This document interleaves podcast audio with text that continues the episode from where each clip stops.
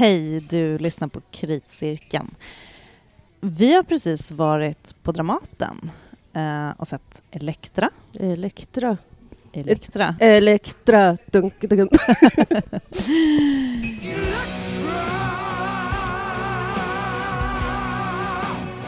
I regi av eh, Mikael Tallheimer.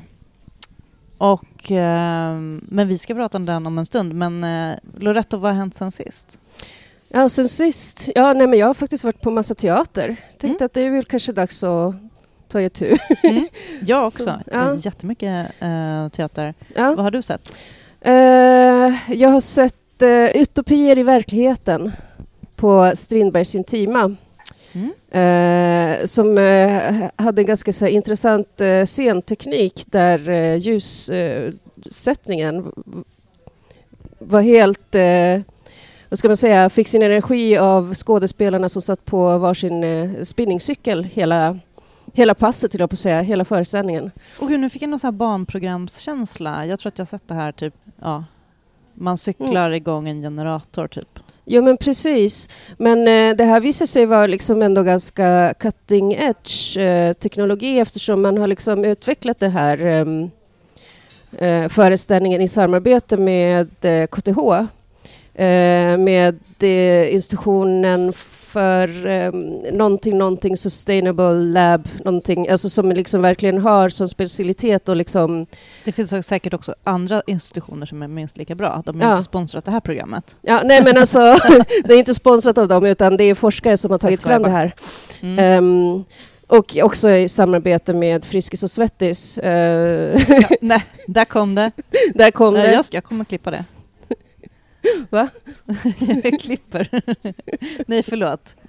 Eh, det är väl ändå ovanligt med teater som är i samarbete med Friskis och Svettis. Ja, nej men eh, det var ju liksom på något sätt, eh, ansatsen var ju liksom utopier egentligen. Mhm. Så att, Men du, eh, här får du utveckla. Ja, vi stannade nämligen kvar på ett lite så här eftersnack också på föreställningen som jag var på. Eh, och då var det folk från Friskis och Svettis, från KTH och från den konstnärliga eh, gruppen som liksom berättade hur de tänkte och liksom att man, man fick en eh, ganska tydlig bild av att det, det här var liksom eh, ja, eh, tänkt som ett sätt att på något sätt gestalta utopin och ehm, jag tror att de förklarade liksom att det här, eh, alltså motion som folkrörelse är ju i sig, eller liksom Friskis och Svettis som är folkrörelse, är ju i sig ganska utopisk. Och sen så utöver det liksom det här eh, utvinnandet av, eh, av en helt eh, neutral energi och sen så utöver det Strindbergs text som Mm. är från, ja det är ju en novellsamling, då har de valt en text som heter Nybyggnad som handlar om en kvinna som heter Blanche som studera studerar till läkare i Paris och liksom konfronteras med, med eh, olika kvinnofällor.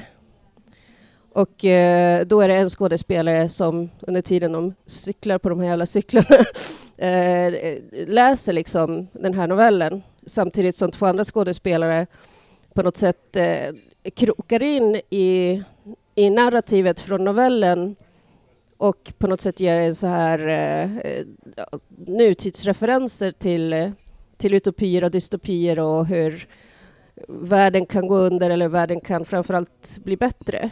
Men är det någon sorts, för jag tänker att det finns någon sorts utopisk kroppsfixering också i den här träningsspinningrörelsen. Alltså i och med att det är Friskis och Svettis så är det väl liksom kanske inte så mycket så, men jag tänker ju liksom också alltså, Friskis och Svettis och liksom hela, eller hela folkrörelsegrejen, alltså det finns ju liksom alltid den här, den här eh, risken när utopier blir totalitära och går över till dystopier. Alltså det är liksom den här hästskon. Gud ja. Ja, eh, Nej men alltså det här är ju en podd som inte är, är helt för eh, träningshets. Nej, verkligen inte. Men eh, jag måste Vi säga... vill ta avstånd. vi tar avstånd. Ja, eller Nej. jag känner att jag vill sitta här och, och ta lite avstånd. Ja, mitt- nej men eh, alltså, jag vet inte. Jag tycker liksom ändå att det var ganska imponerande bedrift att snacka i en timme och kanske tio minuter. Men det är snack mer, alltså är det, är det typ, är det en monolog? Nej? Så det är ju eh, en av skådespelarna, Eller hur många är de? de är tre, Okej. Mm. och hon läser, eller ja, framför liksom den här texten, den här novellen.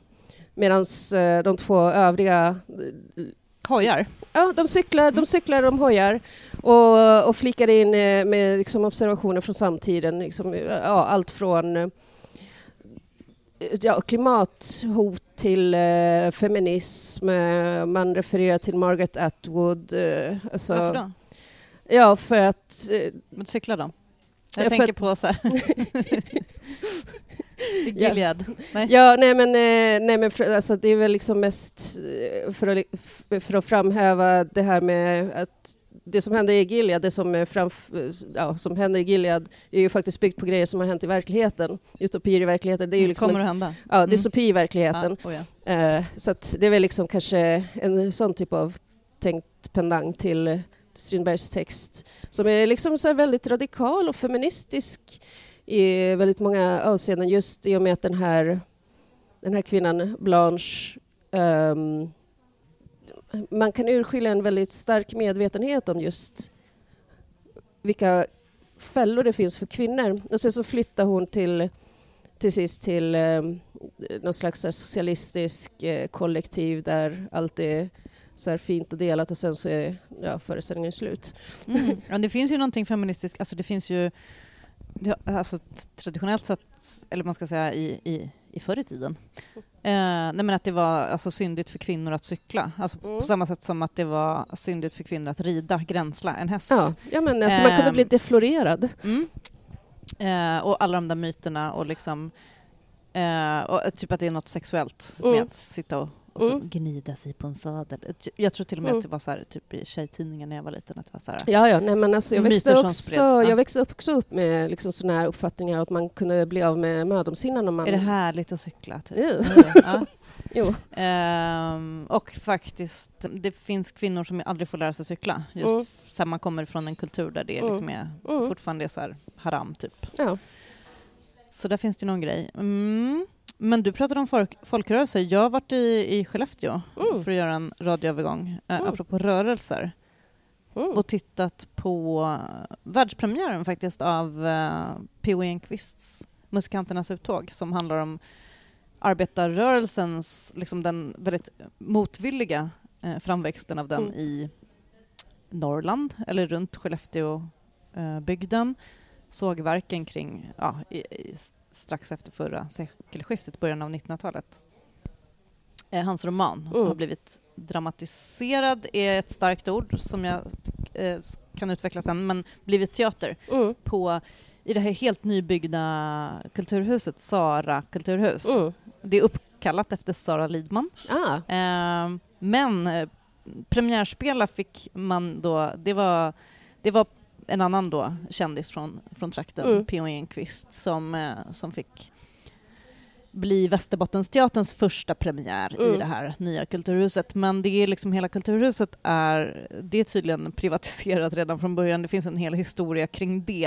Eh, men ganska häftigt. Hela huset Mm. är byggt i trä, 98 procent eh, enligt uppgift. Trä. Eh, och hela liksom, de har byggt ett nytt hotell som sitter ihop Mm. med kulturhuset.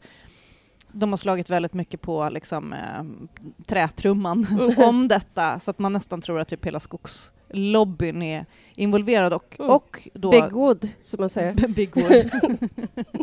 Nej men eh, pjäsvalet då, eller valet av roman att dramatisera eller mm, göra teater av. Alltså, fa- återigen, jag har, skrivit, jag har recenserat Mm. den här i Aftonbladet. Ehm, det man gör är, alltså grejen är att om man har läst den här romanen från 1978 så är det en P.O. Enquistsk den är väldigt mm, skriven på dialekt och den är väldigt liksom Ja, men det finns ett mustigt språk eh, och det är väldigt mycket liksom ehm, det handlar om att det kommer en stockholmare, så här, Mm. en, agita- en socialistisk agitator som ska eh, försöka liksom, eh, hjälpa arbetarna att organisera sig för att det är liksom framväxten av hela fack- fackföreningsrörelsen.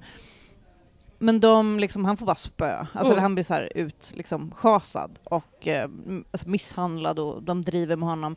För de är otroligt gudfruktiga, för att väckelserörelsen har liksom hunnit före. Ja, just det. Eh, så de är så otroligt kristna och eh, så här, förlitar sig till Gud att så här, ja, Jesus och Gud ska lösa alla problem. Men ja, det händer ju inte. Men, men, eh, men det tar liksom flera år innan de verkligen på riktigt börjar organisera sig. Men, men det är liksom inte så här, att, att typ säga att det är som Nej men det är ju ämnet för romanen Mm. och det är liksom, man tar fasta på det och att det liksom är från den här bygden.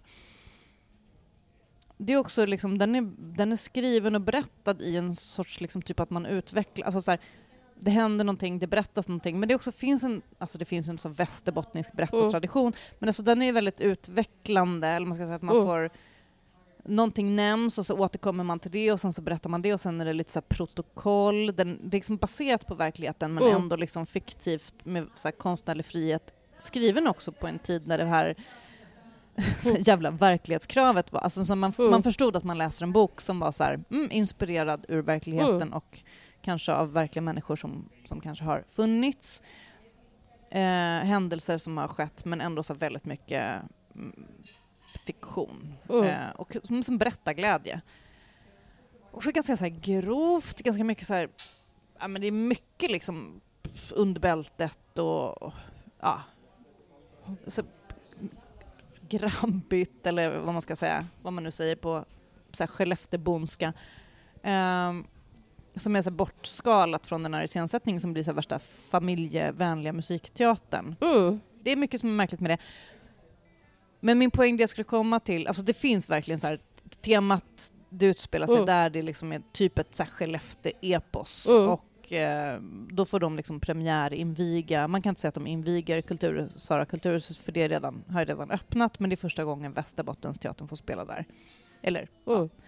med detta. Men det blir liksom väldigt, det är liksom så trevligt. Eh, musikaliskt fint, det är liksom musik, det är livemusiker Mm. på scenen, det är fina körsånger och alltihopa. Hela scenografin är byggd av, eh, gjord av trä, men liksom så här, man använder det som jättehögt eh, i tak. Det är ett fantastiskt bygge. Mm. Det är som ett fantastiskt kulturhus och man känner bara så här, det här, vad mycket spännande man kan fylla det här med. Mm. Eh, men så känns det ändå som att det här är någon typ av så här bygdespel med lite så halv... Ja, det är barnskådespelare med, men det är liksom Mm. lite så inte så halva, ja men lite halva amatörs, liksom lite Mm. blandning, och liksom lite... Ja, massscener och liksom regigrepp som är så här... eh, de ska Mm. gå ut och gå flera mil. vem var det som regisserade nu eh? Bobo Lundén. Just det. Mm. Och, Ehm, ja. Mm, och det här är, han har gjort många sådana uppsättningar Mm. förut. Han har jobbat mycket med amatörer. Han har Mm. gjort väldigt mycket liksom, berättarteater. Han, har gjort, Mm. liksom, han jobbade i flera år och gjorde med så här, Astrid Lindgren-föreställningar i Haga, Slottsruin och sådär. Eh, trevligt och mysigt. Men liksom, det, det är lite för underhållande för, för vad den här romanen egentligen är. Jag, jag Ja. känner också så här, det, det är ju, vi har ju så här i något tidigare avsnitt pratat om så här, äldreomsorgen i Övre Kågedalen. Just det. Alltså Nikanor, teratologen. Och grejen är att huvudpersonen, eller man ska säga Mm. eh, pojken i den här boken Mm. som eh, P.O. Enquist har skrivit, han heter ju Nikanor Mm. Markström. Mm. Eh, och det är ju inte så att liksom, det är okänt för Nikanor Mm. teratologen som på 90-talet skrev sina liksom, Ja. ganska grova, alltså de är ju typ av, vad ska man säga, parodier på den här typen av Ja. litteratur som kommer härifrån. Eh, som tar typ bara, som är Mm. som bara det grova. Men, eh, men den här föreställningen blev väldigt familjevänlig och eh, det som är Nej men jag Mm. tror att de vill liksom ha en trevlig invigning öppen för alla och så. Men vad skulle du säga att det hängde på? Skulle du säga att det hängde på dramatiseringen som eh, inte blev avish? Eller på regi... Liksom regi, regis, valet av regissör eller regi? Mm, Men grejen är att så här, det här som jag känner är som, som, som snart kommer... För att jag har tänkt på så här flera gånger, vi har pratat om det här Bok blir teater. Mm. Eh, och jag tror att det finns en, eh, det finns ett sånt himla... Nej men det börjar nästan bli liksom en rutin hos teatrar att göra så här bok blir teater och att man gör det på det här sättet som är typ Mm. av Egentligen å ena sidan så är det så en tradition till nästan så här 70-talets liksom berättarteater Mm. eller som, som har varit, var väl ganska förhärskande på barnteatersidan väldigt Mm. länge. Alltså typ så här, man berättar så här Sagan om Rödluvan och vargen så för barnteaterpubliken och sen så läser man upp den och sen så, så spelar man lite scener samtidigt Mm. som någon står vid sidan och berättar så här och där kommer den Mm. och nu händer det. Eh, och det är liksom ett grepp som man kan göra. Men alltså, jag kan ju säga att jag har sett det på senare år så här, i typ alltså, så sjukt många föreställningar. Alltså så här, Mm. Orlando i, som jag såg i Ja, just det. ehm, eh, Sörmlands eh, eh, länsteater, vad Mm. heter den? Teater Sörmland. Fin föreställning, men samma sätt. Mm. Alltså så här, det är hela ensemblen hjälper till och berättar så här, och nu, nu är vi där. Nu är det februari, nu går vi Mm. dit. Så här, där, nu är vi i England, typ. Alltså så här, på, det, på det sättet. Nej men det är som en jävla genväg. Mm. Eh, jag vet att jag liksom tidigare eh, tjatat och, och, och, och klagat på liksom metateater och nu är det så här, det här är min nya. Det nya. Det här är min nya käpphäst. Nej men det får, det, får, det får faktiskt vara ett slut. För jag tycker också att man... Sen blir det också så här, det här var första uppförandet av Mm. P.O. Enquist. Han har varit emot... Eh, nu dog ju han förra året. Ja. Eh, det finns en otrolig respekt mot Mm. honom och naturligtvis också så här, lokalt här. Alltså Mm. Han är då född så två mil från, från det här kulturhuset i sjön, liksom Mm. Joggböle. Eh, naturligtvis en lokalt, liksom ännu mer Mm. större, eh, kanske ännu mer eh, respekt för honom. Men, Mm. men hela, liksom, nej men alltså hela Sverige hade Ja. respekt för honom. Ehm, men man kan också tänka sig att man kanske typ inte gör teater av den här boken för att, för att den liksom... Ja, varför just den? Ja, varför, så, så här, ja.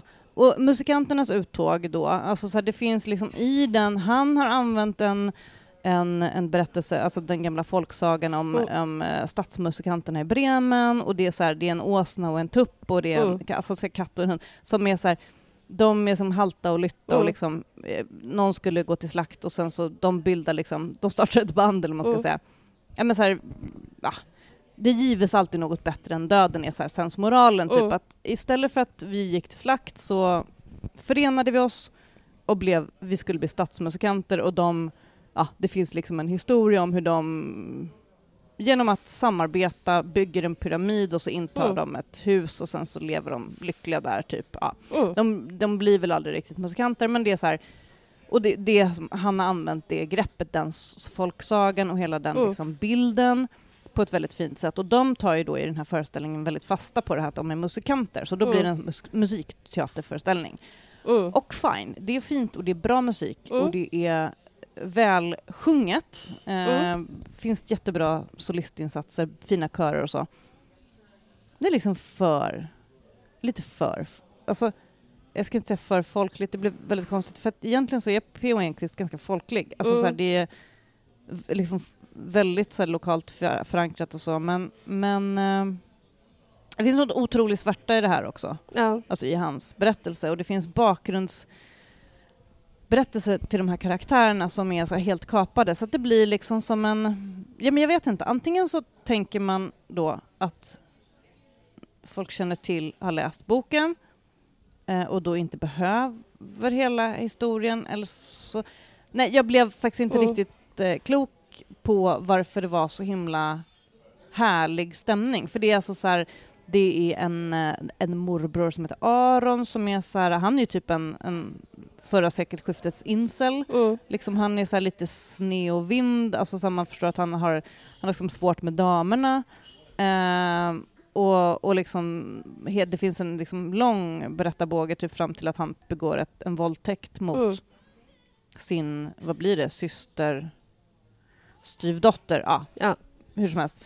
Som är väldigt otäckt gestaltad men också ganska grovt gestaltad som är så här, nästan så här, ur hans perspektiv men i Mm. den här föreställningen så blir det ur hennes perspektiv och, och det är starkt och fint och fint. Eh, men det är också väldigt mycket så här... eh, nej men det är ganska grov, så här grovt språk, mustigt kan man säga. Och nu Eh, har de alltså tvättat bort det? Mm, det är ganska bortfattat. Det som är Mm. kvar är så det som är dasshumor om man ska säga. Det är mycket så här, ja, någonting, någonting så här, någon, eh, hennes, den här styvdotterns, hon är då, beskrivs ju då som ett tattarunge och det ska, och det är också så här ganska grovt, Mm. men, men det är ju också någon sorts spegling av hur man kanske betraktade främlingar Mm. på den tiden, men, men, men idag blir det liksom komplicerat och då ska det förklaras. Liksom bara. Det kan vara typ någon som kommer någon annanstans ifrån, kanske en invandrare eller en Mm. stockholmare kanske också. Ja, men så. Mm, en liten känga till oss från Stockholm. Eh, den här agitatorn, socialisten, han är ju en stockholmare då. Mm. Mycket så här, eh, men så här, så på något sätt så får man ju ändå hans sympatier när man läser boken.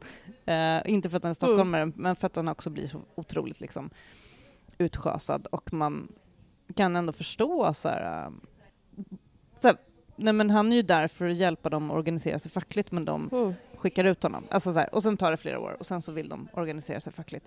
Ja, fast det är ju ganska intressant liksom så här om man tänker ur ett kolonialistiskt perspektiv för att det blir, upp, alltså det blir ju liksom lite grann den här Alltså att han kommer som en eh, slags missionär, Mm. liksom en eh, upplyst ska man säga, storstadsbo som Mm. kommer liksom som eh, drar ut på mission för att upplysa vildarna Mm. där uppe. Nej men det är det som är, det är liksom det som är bokens styrka. Ja, Att han, att han, att han använder det greppet. ja, Eh, alltså för liksom, och på något sätt också, det finns ju en historia om det här liksom i Sverige, att först Mm. så kom väckelserörelsen och på något sätt.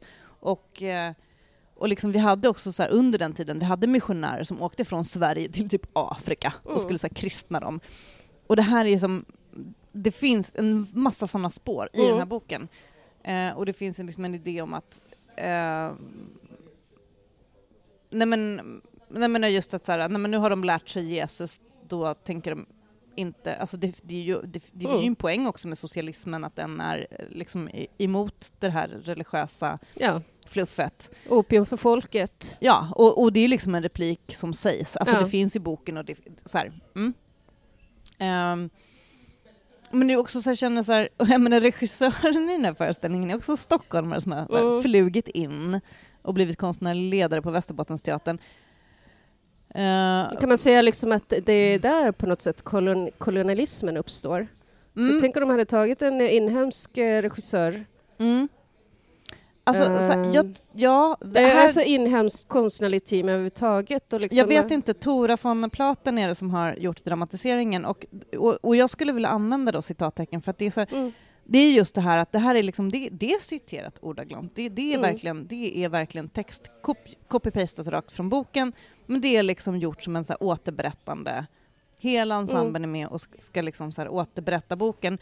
Och jag kan också känna så här, det, det finns P.O. Enquist har läst in sina egna böcker, så Mm. man vill ha liksom en professionell berättare Mm. som, som berättar den här boken. Alltså det är ju också en berättarröst i boken från början. Mm.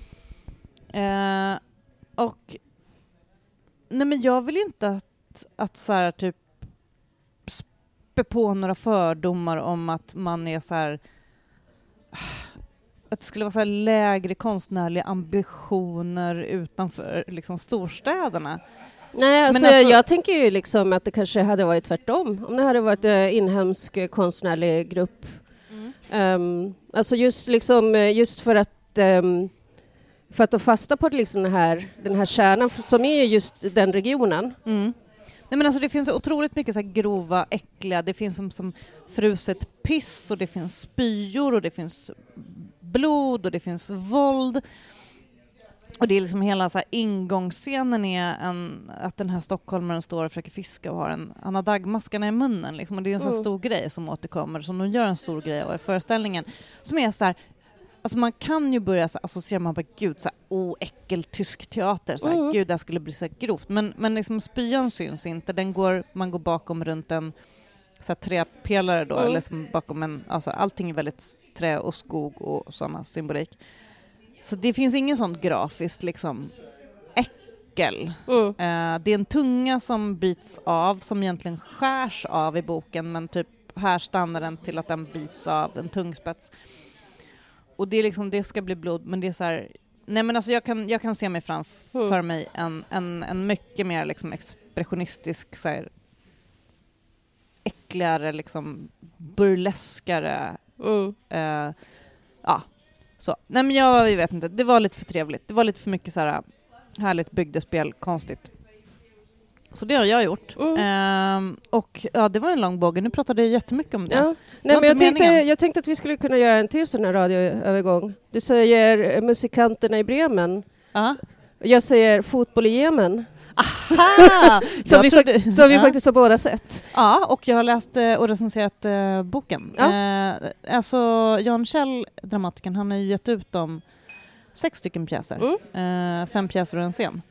Yes. Och jag vet att vi pratade, när jag fick den boken så sa jag så här, jag fått Ja. det var typ i somras. Ja, just det. Och så sa jag, den ska jag läsa. Och eh, jag fick skriva om den, men nu har den blivit liksom vilande lite grann, den texten. Men nu kom den ut. Mm. Eh, jag, jag, sett, jag såg premiären, jag fick inte recensera den, så kan det vara. Det är ont om utrymme. Men jag fick skriva om boken och Mm. den är publicerad. Ja. Ehm, så att jag läste pjäsen innan, så som, det här har vi pratat Mm. om förut. Eh, och eh, såg fram emot Mm. faktiskt eh, vad det här skulle bli. Och jag såg premiären, men du såg den... Ja, jag såg den inte på premiären utan kanske tredje föreställningen eller någonting sånt. För den Mm. hade premiär nu förra helgen. Ja, precis, för några dagar sedan. Och jag såg den igår. Mm. Ehm, Hade, du hade Mm. inte läst den innan? jag hade inte läst den utan jag eh, fick tag på den här eh, eh, samling, eh, pjässamlingen då eh, precis i samband med att jag skulle se den. Mm. Så att jag har ju liksom så här, ja, snabbläst den Mm. eh, i efterhand då. Och liksom så noterat diskrepanser och liksom vad som har blivit struket och, och så Mm. vidare. Och så vidare. Ehm, Det här är ju då till skillnad från eh, det här som jag satt och klagade på förut. Det här är ju dramatik på riktigt. mm, Alltså ganska dialogdrivet. mm, Ehm, based on a true story. Han har hämtat, han tagit inspiration från en, han läste en tidningsnotis Mm. om ehm, ett fall där en jemenitisk medborgare hade rekryterats i Sverige till att bli spion för CIA i Mm. Jemen och infiltrera al-Qaida. mm. Och det här känner man också bara så här, men what? Vänta, what? Så här, Ja, hur, ja. Och typ Säpo var inblandade på något sätt. ja, just det. Och det är ju eh, otroligt lite uppmärksamhet. Ja, har- nej, jag har det hade, varit. ju, jag hade det missat det Nej men alltså man tror att det är på skämt. Och, och, och grejen att i den här äh, pjässamlingen så är det flera sådana. Det finns en Mm. annan pjäs som heter Budbäraren. Jag tror att jag pratade om den förut, som handlade om, ja, eh, just det. om CIAs inblandning i äh, abstrakta expressionismens Just framväxt just det, under ja. 50-talet. Ja. Den finns som, som ljuddrama. Mm. Det är också så att man bara, men gud det här är typ som en konspirationsteori, så här, det här låter helt sjukt. Eh, Men sen så har det liksom faktiskt hänt. Alltså det, det, Ja. det, ja. Och, så att, och den är ju typ som ett kammarspel med Mm. här, Jackson Pollock och eh, eh, Gottlieb och ah, så här, Mm. eller Jackson Pollock precis, har precis dött men, men, men den kan man lyssna på, den Mm. finns på Spotify och läsa den här boken. Men tillbaka till fotboll i Jemen, Mm. så, så han använder eh, berätt, eller inte berättelser, han tar någonting från verkligheten, liksom ett Mm. fenomen och gör en pjäs av det. Och jag tycker att det här är intressant för att det är som politisk teater, eh, alltså uppdatering av politisk teater Mm. från hur... Alltså det är inte plakat. Nej, det är inte utan, plakat. eh, utan det här är ju liksom, alltså det här är ju, om man liksom skulle säga att plakat är patos så är det här med ett väldigt starkt etos skulle jag säga. Och det kanske hänger ihop med att Jan Kjell i grunden är, drama, äh, är jurist. Han är jurist, ja. Um, så Alltså det finns ju en pjäs Ja. i den här som, är, som, som heter Överbyggnaden, som, Ja. som handlar om så här statsförvaltningens Mm. sammanrasande till en som är, som är jättemetaforisk, som så här rasar ihop till en hög med papper och man inte hittar, alltså det Mm. handlar om typ, ja men det är typ, eh, nej men den, den, är, den är rolig, det är en satir. Och eh, det han skriver är ju drama, mm, alltså det, det, det är dramatik mm, då, till skillnad från de här... äh, Nej men faktiskt, alltså jag, men jag kan så här, okej vi ska ta det här med bokblick teater, berättarteater, vi står utåtvänt mot publiken och berättar, eh, återberättar en bok. Det kan ju funka otroligt, otroligt bra om det är en så här riktigt jävla bra skådespeleri. Mm. Alltså så att man typ verkligen förkroppsligar och liksom gestaltar det här, men det på något sätt så den där genvägen kräver nästan ännu mer av skådespeleriet. Så Mm. att, det är på något sätt, jag tror att det är därför som jag börjar verkligen tröttna på det, för att det blir, det blir liksom varken eller. mm, Eh, och att man tänker att Uspen är så att man bara, jag tycker bara att det är en himla jävla bra roman, den här går inte att dramatisera, men då gör vi så här. mm. Men, men så här, det som är... Jag, jag, jag blir lite glad när det blir så här... Någon skriver dialog igen. Mm. Ja, det här är ju en riktigt, det här är en riktigt Mm. skriven pjäs. Det finns också ett drama, det finns också liksom en handling och en utveckling. Ehm, Som är liksom väldigt brutal, men den är väldigt så här, den är ju väldigt... Eh, Den är i Stockholmsförorten, den är, Ja. eh, den är i Jemen, det är... Ja, nej men det är liksom så här, folk som blir avrättade och liksom det slutar med, ett, eh, med en terrorattack på en kyrka. Men det är liksom är framfört med, alltså som, ja, ett lustspel kanske. Ja. ja. Jag tyckte det var en Mm. väldigt fin inledning. Den var Ja. väldigt så här, eh, jag, jag förstod det som att också att det, det är väldigt många, väldigt många, det är flera stycken eh, elever, Mm. studenter som Mm. är med i, alltså som är praktikanter. Dansare som är med, Mm. alltså den är fysisk. Mm. Eh, det är Rickard Turpin som har regisserat. Ja. Henrik Dahl som är konstnärlig ledare är med och spelar. Han spelar ju den här Säpo Just eh, eh, som då övertygar honom om att han ska bli infiltratör. Mm. Eh, Jag måste ju faktiskt nämna eh, huvudrollsinnehavaren. mm, han som spelar Saleh. Ja, Ja. eh, Mohammed Ismail. Och han spelar ju helt på engelska. Ja. Alltså, där förstår man Mm. ju att han är då jemenit kanske på riktigt. Ja, eller jag tyckte det var så himla intressant för att han börjar ju på engelska, går över till svenska och sen så börjar liksom så här prata på arabiska där man liksom så här ska ana att hans motspelare är arab fast spelas Mm. liksom av en vit Det skådespelare. är väldigt snyggt gjort de där Ja. språkövergångarna. För Ja. kan, när han pratar på engelska eh, så svarar de på svenska. Ja, Som, alltså, det är en väldigt faktiskt skickligt gjord ehm, båg, alltså så här, Mm. verkligen bågen över språket. Ja. Man förstår. ja. Man hänger nej med. men alltså jag tror liksom... Jag och tror, de gör samma ja, sak på arabiska.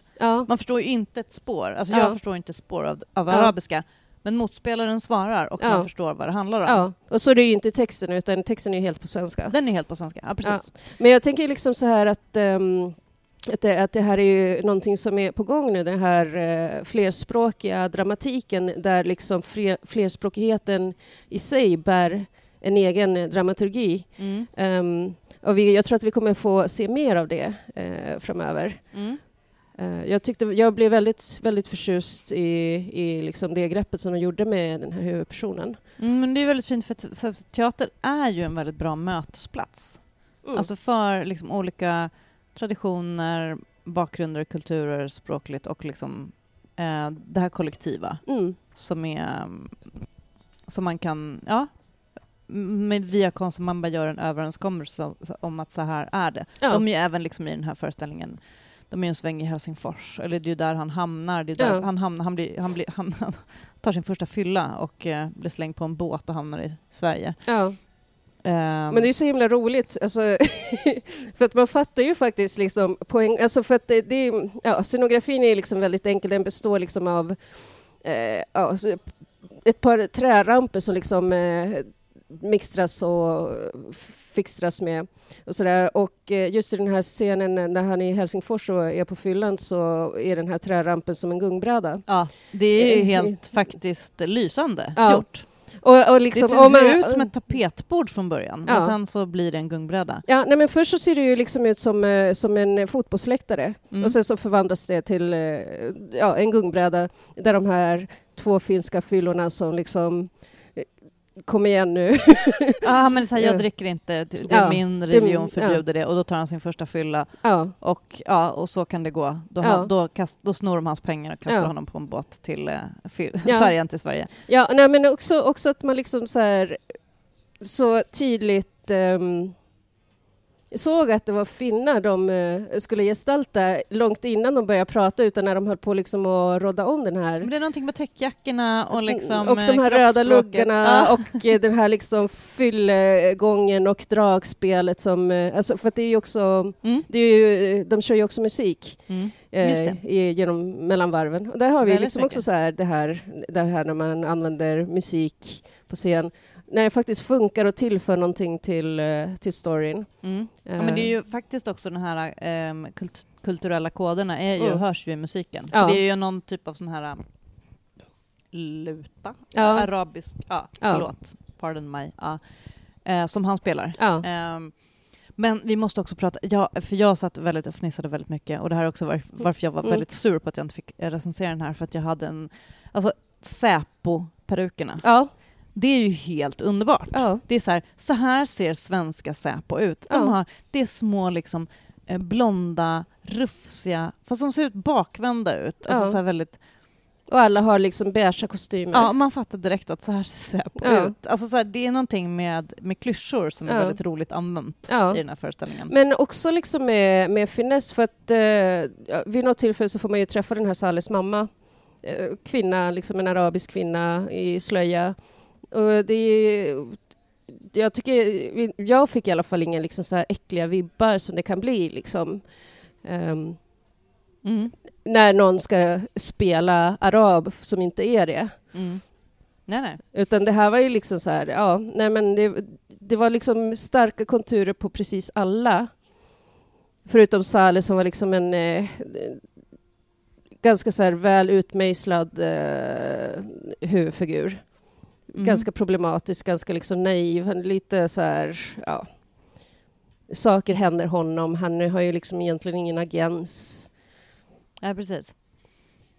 Ja, jag tycker att det är en sevärd föreställning. Jag Mm. tycker att man faktiskt kan se den. Och jag tycker också att man kan läsa Jan Kjells pjäser, men det tror jag typ kanske framgick av min recension också. Mm. Ja, definitivt sevärd. Jag har ju börjat, eller läsvärd också. Mm.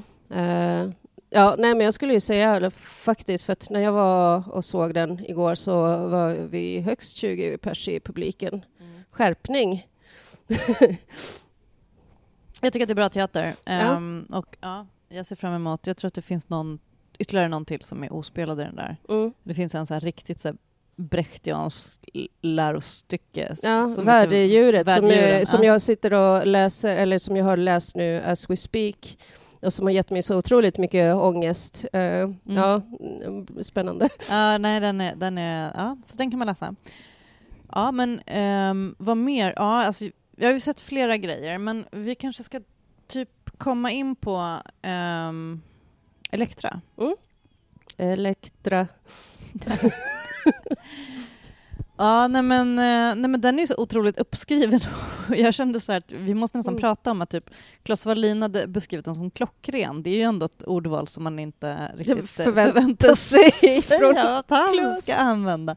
Jag trodde typ att det var någon på redaktionen som hade så rubriksatt honom. Mm. Men, men det står verkligen i texten. Men så kan jag ändå känna så här, jag är ju ett fan av fyndigheter i texter Mm. och jag kan också bli så lite ledsen när jag tycker att så folk inte riktigt förstår Mm. när jag själv använder fyndighet. Mm. Men det är ju faktiskt så att den här scenen snurrar ju Mm. lite clockwise. Ah. Eh, och så blir det en lucka nästan som hon går ut i, eh, alltså som, nästan som Mm. ett gökur. Mm. Alltså det första jag bara tänkte så här, när hon kom, man hör hur det liksom stampar och Mm. klampar och det här är på Dramatens stora scen Mm. och sen är det liksom en liten ramp ut, eller man ska säga catwalk Mm. ut mot publiken där hon klampar och kommer ut och är hela föreställningen. Mm. Det är alltså Rebecca Hemse som Mm. spelar Elektra. Sen har vi Elektra Hallman som inte spelar Ja, eh, Elektra, eh, vilket är roligt. ja. Men, och där är hon, och det är regissören Mikael Talheimer Mm. och det vi såg honom senast göra på Dramaten var Per Gynt. Per Gynt. Där Erik En var på en placerad. ramp, en liten catwalk. Ja. Alltså så här, och den kopplingen var så otroligt liksom. Ja. Eh, Man fattar ju liksom att de blir på något sätt, eh, alltså att Elektra blir någon slags replik till eh, det är en otrolig replik. Ehm, alltså just det här med liksom att hon är klädd i vitt, han var klädd i vitt. Mm. Eh, liksom hela tiden placerad på den här eh, förhöjningen liksom Mm. med den här spotlighten, den här vita kalla spotlighten liksom som ja, Ja, och hennes Mm. tårar är så svarta, så här, Ja. liksom black metal, Ja. emo, förkrossande och hon bara så här, jag ska döda min mamma. ja, Så kommer Orestes och vem är det som är Orestes? Erik En, ja, som spelade Per Gynt. ja, det är lite så här, ja, det är som, som när man kollar på Star Wars-filmer och det är, så, ja men det är ett litet påskägg. Ja. Det är väldigt mycket som är... Jag menar nu, nu hade ju då våra kritikerkollegor eh, hyllat den här och skrivit upp den. Jag var så otroligt trött idag. Ja, jag också. Och tittade och så här, hade ont i så här, kroppen lumpen och har varit och så här, äh, jetlag Mm. från Skellefteå. Ja, jag har ju varit på teater tre dagar i rad och, och inte har varit på teater typ någonting alls på typ så här hela pandemin. Men jag har också bara jobbat alldeles för mycket och eh, Mm. alltså Dramatens stora scen har typ de obekvämaste stolarna i hela... De har ju typ renoverat hela skiten. Eh, Mm. Jag sitter så dåligt där. Eh, men, men det här är en fantastiskt bra föreställning och det, nu Mm. gick vi ju på den Ja. bara för att den typ snart är slut, tror Ja. jag. Eller jag vet Nej, inte. jag tror att den är... håller Ligger den på våren också? Nej, men i alla fall en bit in i december. Jo, men en grej som jag tänker på det är ju eh, Richard Strauss opera från 1909 har ju libretto av eh, Hugo von Hofmannsthal. Mm. Ehm, och det, jag tänkte på det här liksom också så här, apropå referenser och påskägg och liksom associationer och, och så vidare. Eh, det är ju liksom att jag tänkte på, på den här scenografin som var liksom visserligen med eh, aggregatet snurr, eh, snurrpaneler som liksom ändå påminner väldigt mycket om eh, Bente Lycke Möllers scenografi i Kungliga Operans uppsättning av Elektra från 2009. Mm. Uh, fast då var det helt eh, blodröd. Men det var liksom ändå väldigt mycket så här väldigt lite... Staffan Valdemar Holms Ja, precis. Ja. Ja. precis. Mm. precis. Ehm, och Katarina Dalaiman som liksom uh, vansinnig Elektra. Ehm, men då var det liksom samma sak där, att det var väldigt lite rymd på scen. Ehm, och så hade de liksom de här blodröda panelerna. Men sen så att man också jobbade väldigt mycket med ljuset, att när det här mordet skedde så blev liksom allting mera rött, att det liksom började pulsera rött som... Eh, jag tror att... Liksom det, expressionistisk typ. ja, ja, men alltså det här var ju på den tiden som jag ändå inte, inte ens var kritiker, utan jag såg det, jag tror att jag bloggade om den, och jag tror att jag hade, fick några så här associationer till liksom ett bultande underliv. Liksom. Eh, det, här, ja, men det här röda och liksom den här skåran i mitten som pulserar Mm. liksom, i, när det här mordet sker, att det också är väldigt... Liksom, väldigt Men det finns ju någonting Mm. också väldigt så här freudianskt eller jungianskt ja, liksom, över den här hela Ja, modersmord, liksom, eh, jo, men eh, absolut. idén hos Hoffmannsthal. Ja, Eh, ja, men precis. och Så, så, såklart liksom, att man tar fasta på det. Ja, men att det, var, Ehm. det här var liksom så, så, så jäkla explicit, tyckte jag då. Och liksom, eh, jag tyckte det var kul eh, ändå att se den här väldigt publiknära och liksom väldigt tajta scenutrymmet som ändå var. Alltså de rörde ju sig faktiskt i princip på... Inte. Nej. In, nej, utan de... de ja. Nej, men eh, tyckte det var väldigt eh, kul att få återse den här liksom väldigt publiknära och väldigt minimala ja, eh, spacet som skådespelarna hade att förhålla sig till. Nu var det ju liksom ändå väldigt mycket mer minimalt för de står ju faktiskt bokstavligen på en kvadratmeter och så, så Mm. den här gigantiska vridscenen som liksom snurrade bakom dem. Ehm, Men, men jag tycker att det finns en koppling också till opera för att det är Mm. väldigt mycket som ligger i hennes röst. ja. Alltså nu pratar vi om Rebecca Hemse då. ja. E- emellanåt så tycker jag så här att åh gud vad hon skriker, hon skriker, Mm. hon, hon nästan pitchar sig själv. Alltså hon Mm. har inte en, liksom en, en automatiskt bekväm röst i pitchläge, om man Mm. säger så. Och sen så växlar hon över till när hon liksom landar. Mm. Eh, och det blir väldigt... Så det är ett röstdrama. ja, det är det verkligen. Alltså så här, kanske inte lika mycket som en opera, men ändå, det Mm. finns, det finns där. ja. där finns, det finns en referens där. Ja. Och sen också så här, vi hade då, vad ska jag säga, turen att Mm. eh, också få se Ingela Olsson som Clytemnestra Mm. I i, i paljettklänning. paljettklänning. Skitsnygg. Alltså jag gillar Ingela Olsson. Ja. Eh, hon alternerar i rollen med ehm, Stina Ekblad. Mm. Säkert, hade säkert också varit helt Ja. okej. Men jag gillar att vi fick se Ingela Mm. Olsson. Ehm, så att, ja, nej, men jag tyckte att det var en, en intressant föreställning. Och det är liksom någonting också med mycket med att det, jag ska inte säga så här, det går inte att säga så för att nu har vi också haft ett långt uppehåll och så vidare. Men det är någonting med antiken på uppsving. Vi kommer att Mm. få Alcestis Just snart på Dramaten. Jag såg en uppsättning eh, en nyskriven liksom, av cover av, av Medea. Alltså det är som allt kommer tillbaka och så vidare. men, eh, men antiken och deras liksom, myter och så, det... Ja, det, så det är inte för intet som man eh, säger redan de gamla grekerna. Exakt. Nej men det, myterna, alltså redan i myterna fanns ju liksom Mm. som dramatiken och dramaturgin och liksom eh, gudarna Mm. och eh, öden och tragedierna och katarsis, alltihopa fanns liksom. Ehm, och teatern hade en plats i samhället, Mm. vilket är någonting som jag gärna skulle känna att ehm, teatern kunde fortsätta att ha. Ja, Eh, det kan få bli mitt sista ord faktiskt för kritcirkeln för den här gången. Ehm, vi kommer att fortsätta gå på teater och tack så mycket Loretto Villalovos för Ja, att du själv. pratade med mig igen eh, i kritcirkeln. Jag heter Cecilia Djurberg och det finns fler kritcirklar att lyssna på. Vi återkommer snart. Ehm, ja, det är massa premiärer kvar ännu. det är så otroligt mycket premiärer, man hinner inte med. Nej, Ehm, men vi återkommer. Stay tuned. Så tack för att ni har lyssnat så hörs vi snart igen. Eh, hej då, ha det så bra.